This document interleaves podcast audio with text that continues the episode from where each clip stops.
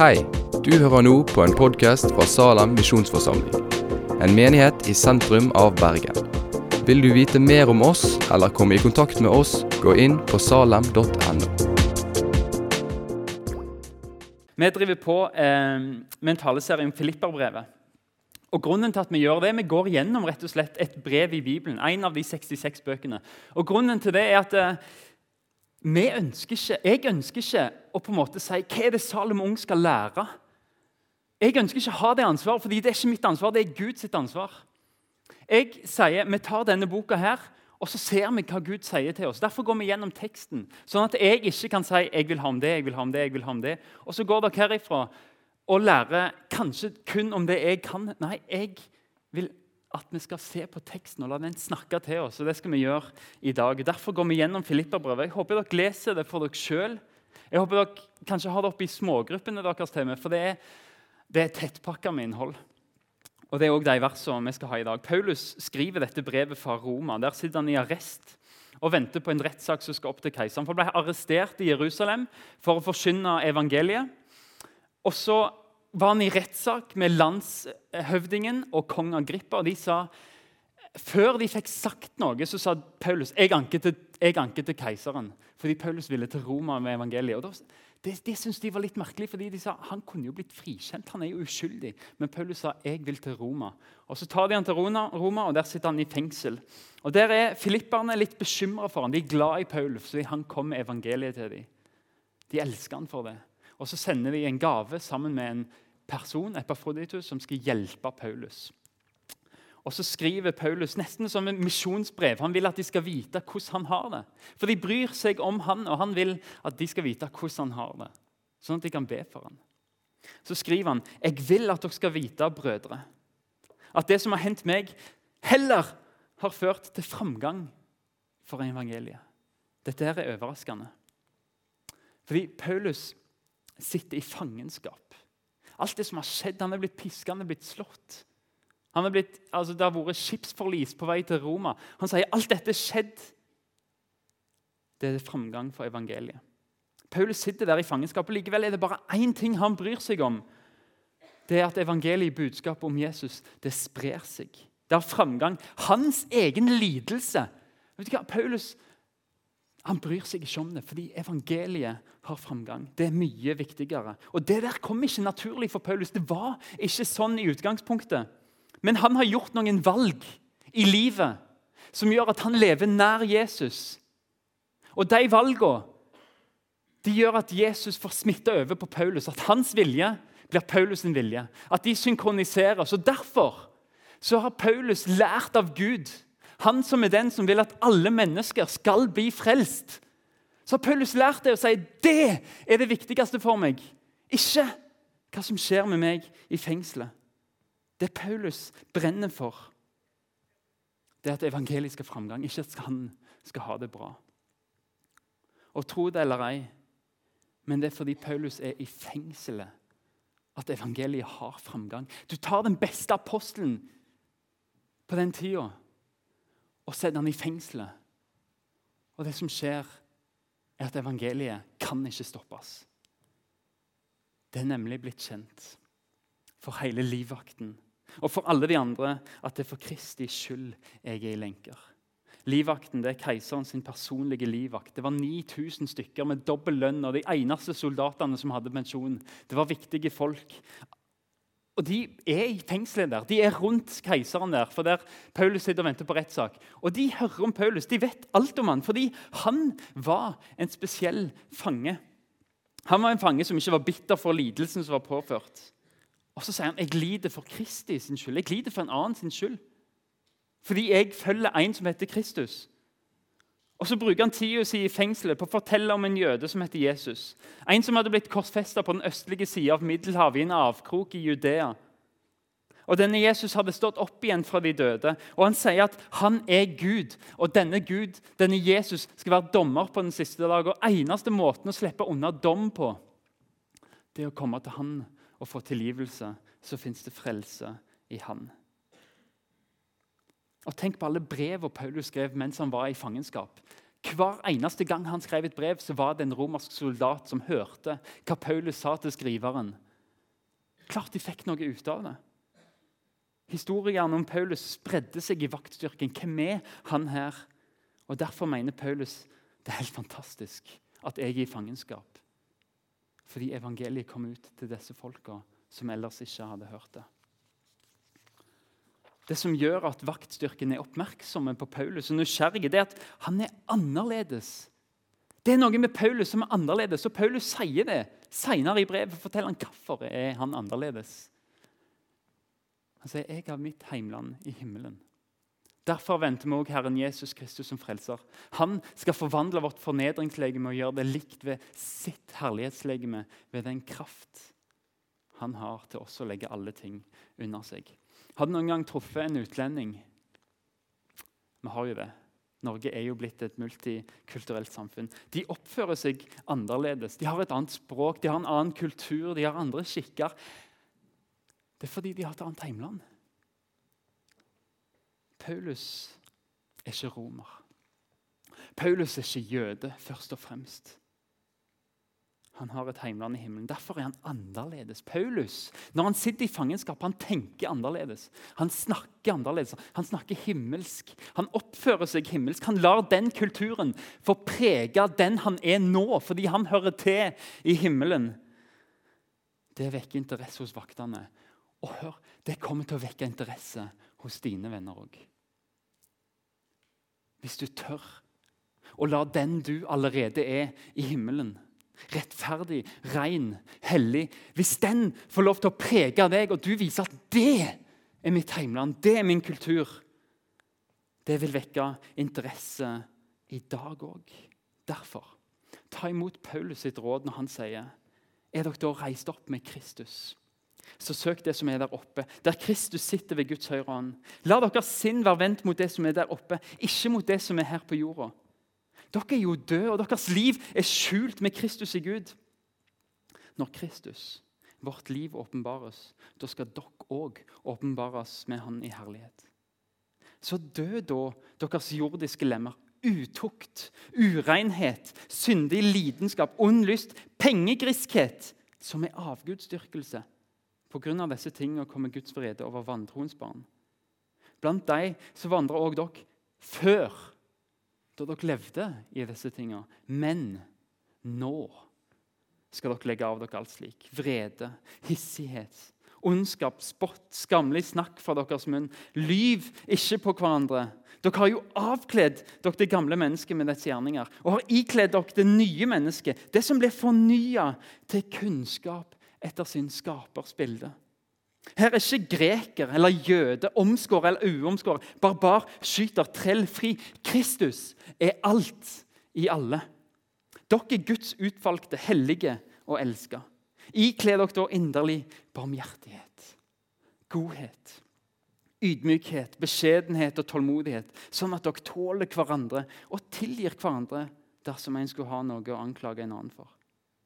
Liksom Kristus har tilgitt dere, skal dere òg tilgi hverandre. Men over alt dette ikle dere kjærligheten, som er fullkommenhetens sambånd. La Kristi fred råde i hjertet deres. Til den ble dere jo kalt i det ene legemet og vært takknemlige.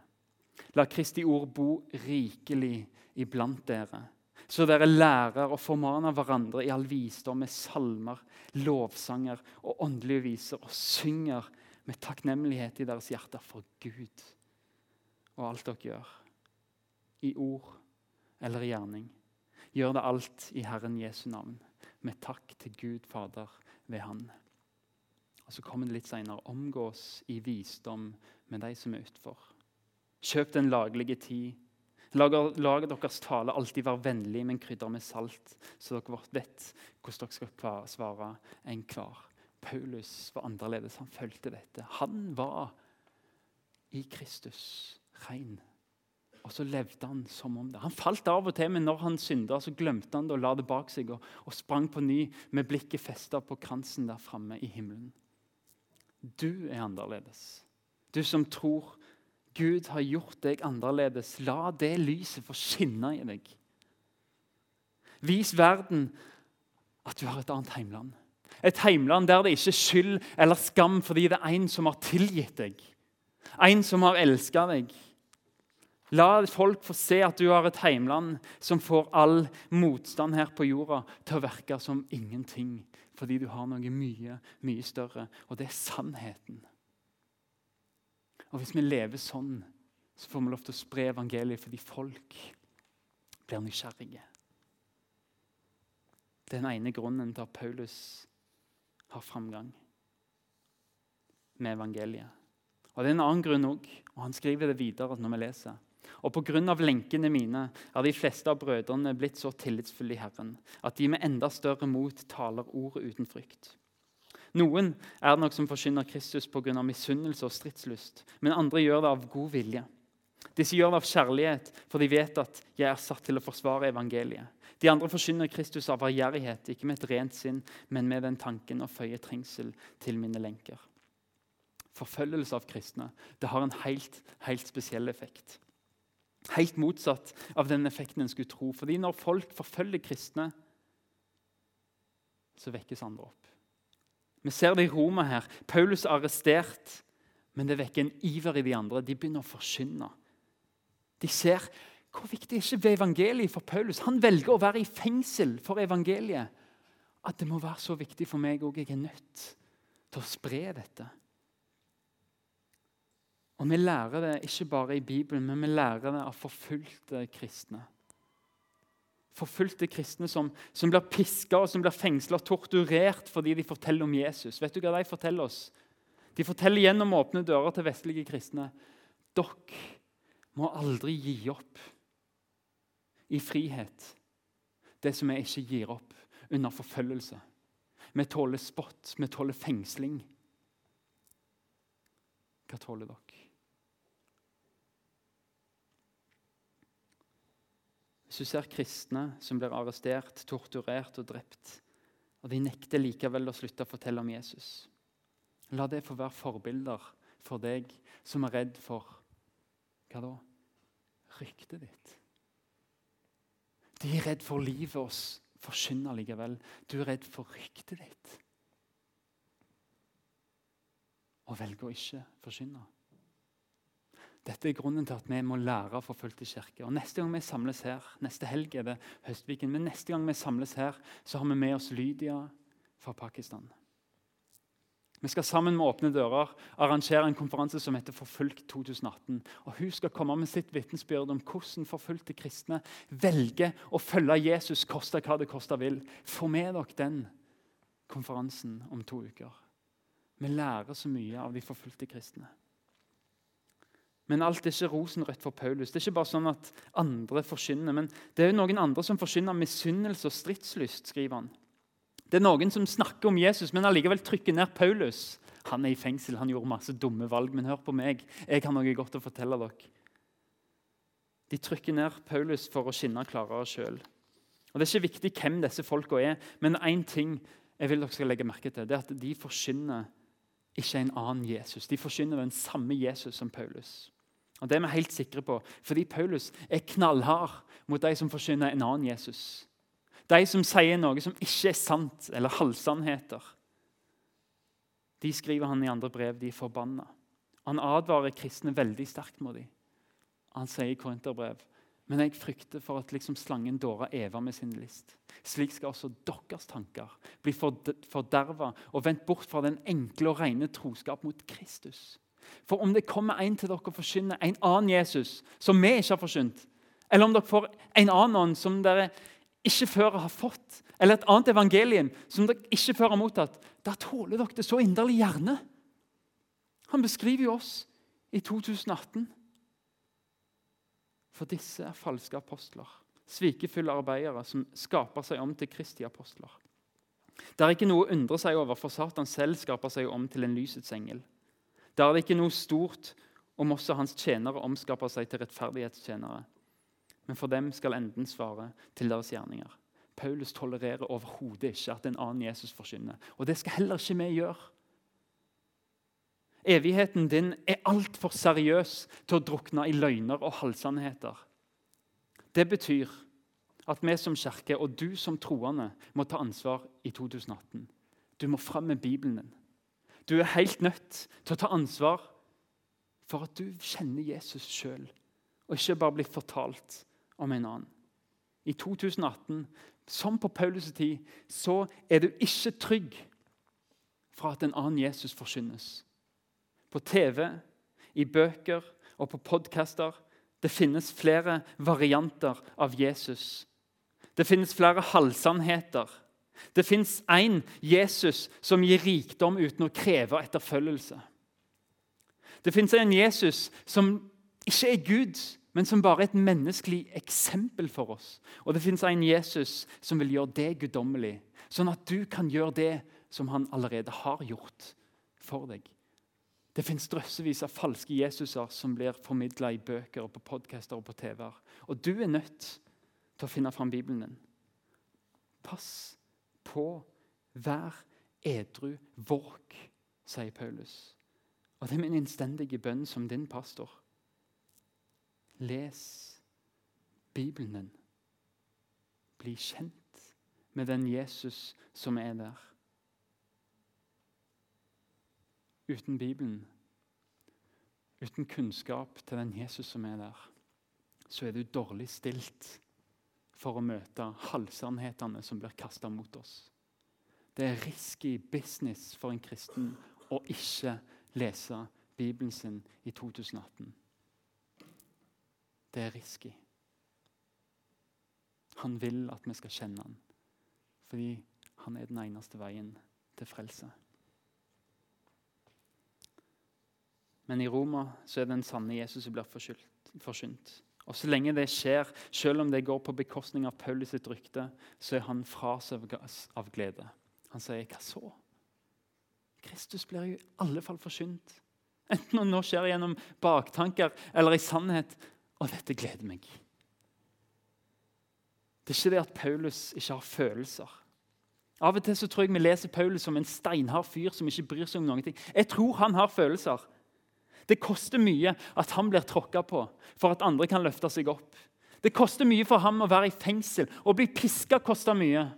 Folk trodde han var død en gang. Jeg tror det kosta Paulus vanvittig mye å følge Jesus, men identiteten hans det var at han var Guds barn. Det er ikke så viktig hva de andre tenker om Paulus, fordi han vet at Gud elsker meg. Og Guds navn skal bli æra i mitt liv, koste hva det koste vil. Det er som om Paulus har blitt satt på en plass der han er totalt uviktig, og der Jesus er det viktigste. Og Det er der en kristen skal være. Alt som teller, er hvor mennesker tilbringer evigheten. Paulus er på den plassen. Og la meg få si det uendelig klart det er sannhetens plass. Og kanskje enda viktigere for oss som lever i en kultur der det bare handler om oss. Det er frihetens plass. At Jesus får være alt. Du er fri fra jaget fordi han er alt for deg. Paulus gleder seg over at evangeliet forkynnes. Selv om han er i fengsel, at han baksnakkes, Alt som gjelder for Paulus, er at evangeliet forkynnes. Fordi han har møtt Jesus. Og Han sammenligner det med å være blind og så se. Se at alt det han har samla på før, det er søppel i forhold til det Jesus kan gi han. Og plutselig ser han at han er henta fra mørket og inn i lyset. Fra død til liv. Og alt han vil gjøre, det er å respondere til Jesus og si, 'Du er alt for meg. Jeg vil leve for deg.' Og prioriteringene hans viser det. Paulus sitt eksempel er klart. Og det utfordres fordi Paulus sier det senere i Filipperbrevet. Sett meg som deres eksempel. Og det er kjempeutfordrende. Fordi han setter evangeliet, framgangen til evangeliet i sentrum for sine ambisjoner. I sentrum for hans drømmer så drømmer han om at evangeliet skal bli forsynt. Din egen komfort dine såra følelser, ditt rykte, dine misforståtte motiver. Alt det blir totalt uviktig i sammenligning med at evangeliet får gå fram. At du får fortelle om Jesus til noen. Gjør som Paulus og mål din framgang etter evangeliet. Ikke etter din tjeneste, ikke etter din stilling, ikke etter din posisjon. Hvis du gjør det, så jager du etter jordslige ting. Du jager etter ting som du aldri kan ta med deg inn i himmelen. Men hvis evangeliet er drivkraften, så er det ett fett hvem du er, eller hvor du er. For uansett hvor du er, så er det alltid mennesker som trenger å høre om Jesus. Og hvis det får framgang, så gleder det deg. Det er ikke det at drømmer og ambisjoner er feil eller umoralske. Ikke det hele tatt. Det er bra å drømme om familie og barn, om penger og en toppstilling der du kan påvirke. Men, men spørsmålet er om det sluker dine krefter. Sluker det det sentrale i å følge Jesus? At det det, det å forkynne om han, det å fortelle om Jesus, det blir dytta ut i periferien av livet der det ikke er så viktig? Hva er det? som er senteret i dine ambisjoner. Vi trenger Paulus sin korreksjon i dag. La evangeliet få være sentrum i våre prioriteringer. La det være viktigere enn din ære. Da kan vi si sånn som Paulus Jeg vil at dere skal vite, brødre, at det som har hendt meg, uansett hva det er, det har vært til framgang for evangeliet. Det blir seier uansett. Og dette gleder jeg meg over. Men Paulus gleder seg ikke bare over det som skjer nå, når han skriver, men, òg over framtida. Jeg vil fortsette å glede meg, sier han. Jeg vet jo at dette skal bli til frelse for meg, ved at dere ber for meg, og ved at Kristi ånd hjelper meg. Sånn er det min lengsel og mitt håp at jeg ikke skal bli til skamme i noe, men at Kristus nå, som alltid må bli æra ved mitt legeme i all frimodighet, enten det skjer eller ved liv eller ved død for, for meg er det å leve Kristus og dø en vinning. Å leve er Kristus. For et sitat. Typisk Paulus. Nei! Typisk en kristen som har møtt Jesus. Alt som før hadde Jesus sin plass i Paulus sitt liv, det ser han nå på som søppel. Han har kasta det bort for å få Jesus. Og Paulus sier mitt liv i Kristus, så mener han at han er blitt begrava med Kristus. Den han var før all hans synd, det ble begrava i dåpen med Kristus og tilgitt. Og Så skal han reises opp fra vannet på samme måte som Jesus ble reist opp fra grava. Så skal han leve et nytt liv sammen med Jesus. Han har blitt korsfesta sammen med Jesus, sånn at Jesu liv kan være i han. Hans liv er Kristus. Det er sånn en kristen sitt liv er. Det betyr at forholdet til Jesus det er så tett at hele livet vårt henter meninger fra det. Jeg vil være som Jesus. Og når jeg faller, så vil jeg bekjenne det. Og så vil jeg få tilgivelse. For når vi bekjenner, så er Han trofast og rettferdig og tilgir oss. Og så vil jeg legge det bak meg, og så vil jeg igjen prøve å være som Jesus. Å leve er Kristus. Du får Paulus aldri til å tie stille, fordi Jesus betyr alt for ham. Evangeliet må fortelles. Og det koster han ikke ting. Det å risikere livet det koster ikke Paulus noe ting, fordi hvis jeg dør, så er det en vinning.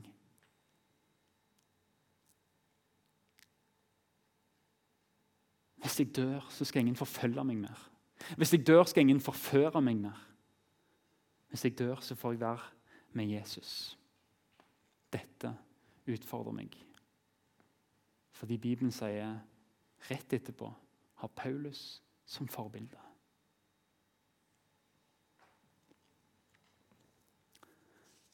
Men hvis vi tenker oss litt om, så er Paulus i en situasjon der han kan ikke velge om han skal leve eller dø. Han venter på en dom. Det er egentlig Gud som bestemmer om han blir dømt eller om han går fri. Eller det er keiseren, om du vil. Han kan egentlig ikke velge Paulus, men allikevel så spinner han videre på hva han ville valgt hvis han fikk velge. Og Vi leser de siste versene. For for meg er det å leve Kristus og dø en vinning. Men dersom det at jeg lever i skjøtet, gir frykt av arbeidet mitt, ja, da vet jeg ikke hva jeg skal velge. Jeg kjenner meg dratt til begge sider. Jeg har lyst til å bryte opp herfra og være sammen med Kristus. For det er så mye, mye bedre. Men av hensyn til dere så er det mer nødvendig at jeg blir i skjøtet. Og da jeg viss på dette, vet jeg at det skal bli livet å være hos dere, til fremgang og glede for dere i troen. Sånn at dere i Kristus Jesus rikelig kan rose dere for min skyld når jeg kommer igjen til dere. Hva er det vi ser her? Vi ser Paulus som sliter med å velge. Jeg vil egentlig dø. Jeg vil, jeg vil hjem. Jeg vil være med Jesus. Det er det beste for meg. Men jeg vil òg leve for å hjelpe dere. Jeg ser at det er bra at jeg er i live, for da kan jeg forsyne evangeliet sånn at flere mennesker blir frelst. Hvorfor skriver Paulus om dette valget som han overhodet ikke har noen innvirkning på? Det er enten Gud eller keiseren som bestemmer dette. Men han skriver om det fordi han vil være et eksempel. Han viser filipperne og oss hvordan vi kan leve som kristne. Der han setter de andre foran seg. Hans eget beste, det å være med Jesus. Han sier det er mye, mye bedre å dø og få være med Jesus. Tenk å være så viss på at døden sin brodd bare er helt vekke, og at Jesus er livet. Å bli frikjent, derimot, det betyr lange reiser, mer forfølgelse. Og til slutt en henrettelse allikevel for å forkynne. Mer lidelse. Men Paulus har lært av Jesus å velge. Og Det er temaet for, for, neste gang vi skal ha opp Filipperbrevet. Det er å lære av Jesus. Han har lært av mesteren. Han velger å være til hjelp for andre, sånn at evangeliet kan ha framgang. Det er til beste for de andre. Sånn er Paulus et levende eksempel fordi han skriver noen vers senere. Bare kapittel senere, noen få vers senere så skriver han gjør ikke noe av ærgjerrighet eller av lyst til tom ære, men akt hverandre ydmykhet høyere enn dere sjøl. Ingen må bare se på sitt eget, men enhver må òg ha andres gang for øyne. Paulus er villig til å tjene andre, koste hva det koste vil, fordi han har lært av Jesus, som tjente andre, selv om det kosta han døden på korset. Så tjente Jesus oss. Paulus har lært av Jesus. Han legger vekk sitt eget beste. Han velger å dø for seg sjøl. Han velger mer lidelse, mer tortur, for å hjelpe filipperne. Det er kristen enhet. Der Paulus setter de andre foran seg sjøl. Og vi er på den andre sida. Vi er nesten Vi er nesten klare for å ødelegge menigheten sin enhet fordi vi vil velge sjøl. Vi vil vårt eget beste. Jeg vil ha denne sangstilen, jeg vil ha denne formen, jeg vil ha sånt lys. Jeg vil at vi skal gjøre sånn, jeg vil at vi skal gjøre sånn. Vi må se på Paulus som et forbilde. Jesus er det viktigste. Og alt som kan hjelpe andre kristne å vokse i troen, ja vel, det er mye viktigere enn at jeg får det som jeg har sans for.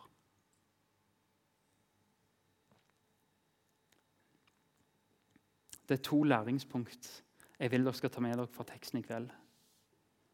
For det første Paulus setter evangeliet i sentrum for sine ambisjoner. Han drømmer om at evangeliet skal spres. Og Det koster han ingenting fordi han er Guds barn. Og Han har et heimland i himmelen, og han vet at så lenge jeg er der, så er det viktigste å få skatter i himmelen. Det andre læringspunktet er at han setter sine brødre og søstre i sentrum for sine valg. Han setter andre sine behov først. Og det er til etterfølgelse. Selvfornektelse er ikke noe vi alltid skal heie på. La meg si det. Det er ikke selvfornektelse for selvfornektelsens skyld, men når det setter andres åndelige vekst som mål, så er det alltid det rette å velge for en kristen. Når andre får vokse i Jesus, så er det alltid rett å legge ned sine egne behov og ønsker. Kjære Salomon, en sånn vurdering av evangeliet som Paulus gir oss i denne teksten, det er ikke for elitekristne. Det er tenkt å være sånn det er å være kristen. Vi snakker om evangeliet som forsoner fortapte menn og kvinner med en hellig Gud. Budskapet om at Gud har gitt oss en redningsmann, en stedfortreder, som dør for oss mens vi ennå var syndere. En rettferdig som dør for urettferdige. sånn at vi kan være Guds barn. Uten dette evangeliet som er fortapt. Vi er totalt uten håp i denne verden eller i den neste. Og Sammenligna med evangeliet, sammenligna med disse gode nyhetene som vi har å gi videre, så er det ingenting som kan konkurrere. Sett det aller først i dine prioriteringer. For det er et budskap som er verdt det. Det er det eneste livet vi har. Og hvorfor ikke fremme noe som har evig verdi, og som ikke faller bort i døden?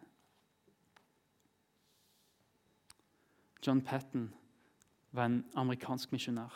Han skulle til, til Sør-Stillehavet utenfor Fiji på ei øy. Og Så var det en som kom som heter Mr. Dixon. Han sier til John Patton du kommer til å bli spist av kannibaler. Og Det verste var at dette var reelt. Det var stammer som, som faktisk var menneskelig fiendtlige. John Patton svarer, 'Mr. Dixon, du er godt oppe i året du nå.' Og din framtid det handler om å snart bli lagt i ei grav. Og der kommer marken til å spise deg opp. Men jeg sier deg, hvis jeg kan leve og dø i tjeneste for Jesus, så betyr det ingen forskjell for meg om jeg blir spist av kannibaler eller av mark. På den siste dag så vil mitt oppstandelseslegeme reises opp og bli likt Jesus sitt. Hva betyr det da? Hvordan jeg fornedrer mitt liv her så lenge jeg fortjener Jesus. Du har bare ett liv. Bare det du gjør for Jesus, vil vare evig. Skal vi be før nattverden, Herre Far? Jeg bekjenner at jeg har andre ambisjoner enn å spre ditt evangelium. Jeg bekjenner at For meg er det av og til viktigere med meg sjøl enn å følge deg. Tilgi meg, Jesus. Og Takk for at du er trofast og rettferdig og tilgir meg når jeg bekjenner. Og når vi bekjenner Jesus, så er du trofast og rettferdig og tilgir oss og renser oss for all skyld. Jeg ber Jesus om at du renser oss. At du drar oss nær til deg, at du gjør din vilje som vår vilje, Jesus. At du forvandler vår vilje til å følge deg, til å spre ditt evangelium. Og til å vokse i troen, sånn at vi ser at det er dette som er frihet. Jesus, takk for at du har gjort oss til dine barn, og la det få være vår identitet, sånn at det ikke koster oss å lide for deg her fordi vi vet at vi har en heim i himmelen. Og Jesus, jeg ber om at du forvandler meg, sånn at jeg vil alt det beste for Salomon og for mine søsken. Og Jeg ber om at du gjør det med alle oss, Jesus, at vi setter hverandre høyere enn oss sjøl. Sånn at vi kan hjelpe hverandre å vokse i troen og tjene deg, Jesus. At vi kan hjelpe hverandre til å elske deg høyere.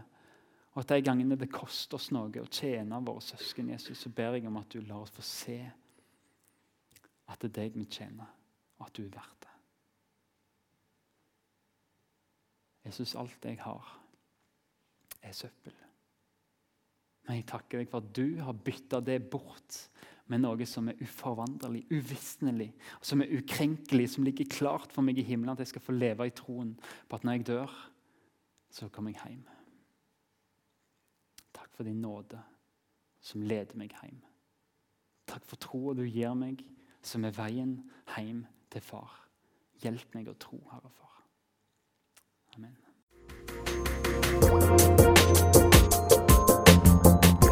Takk for at du har hørt på podkasten fra Salem, Bergen. I Salem vil vi vokse i et stadig dypere fellesskap med Gud og med hverandre. Vi vil være Jesu hender og føtter, og vi vil være med og forkynne frelse for Bergen og resten av verden. Besøk oss gjerne på salem.no om du vil vite mer.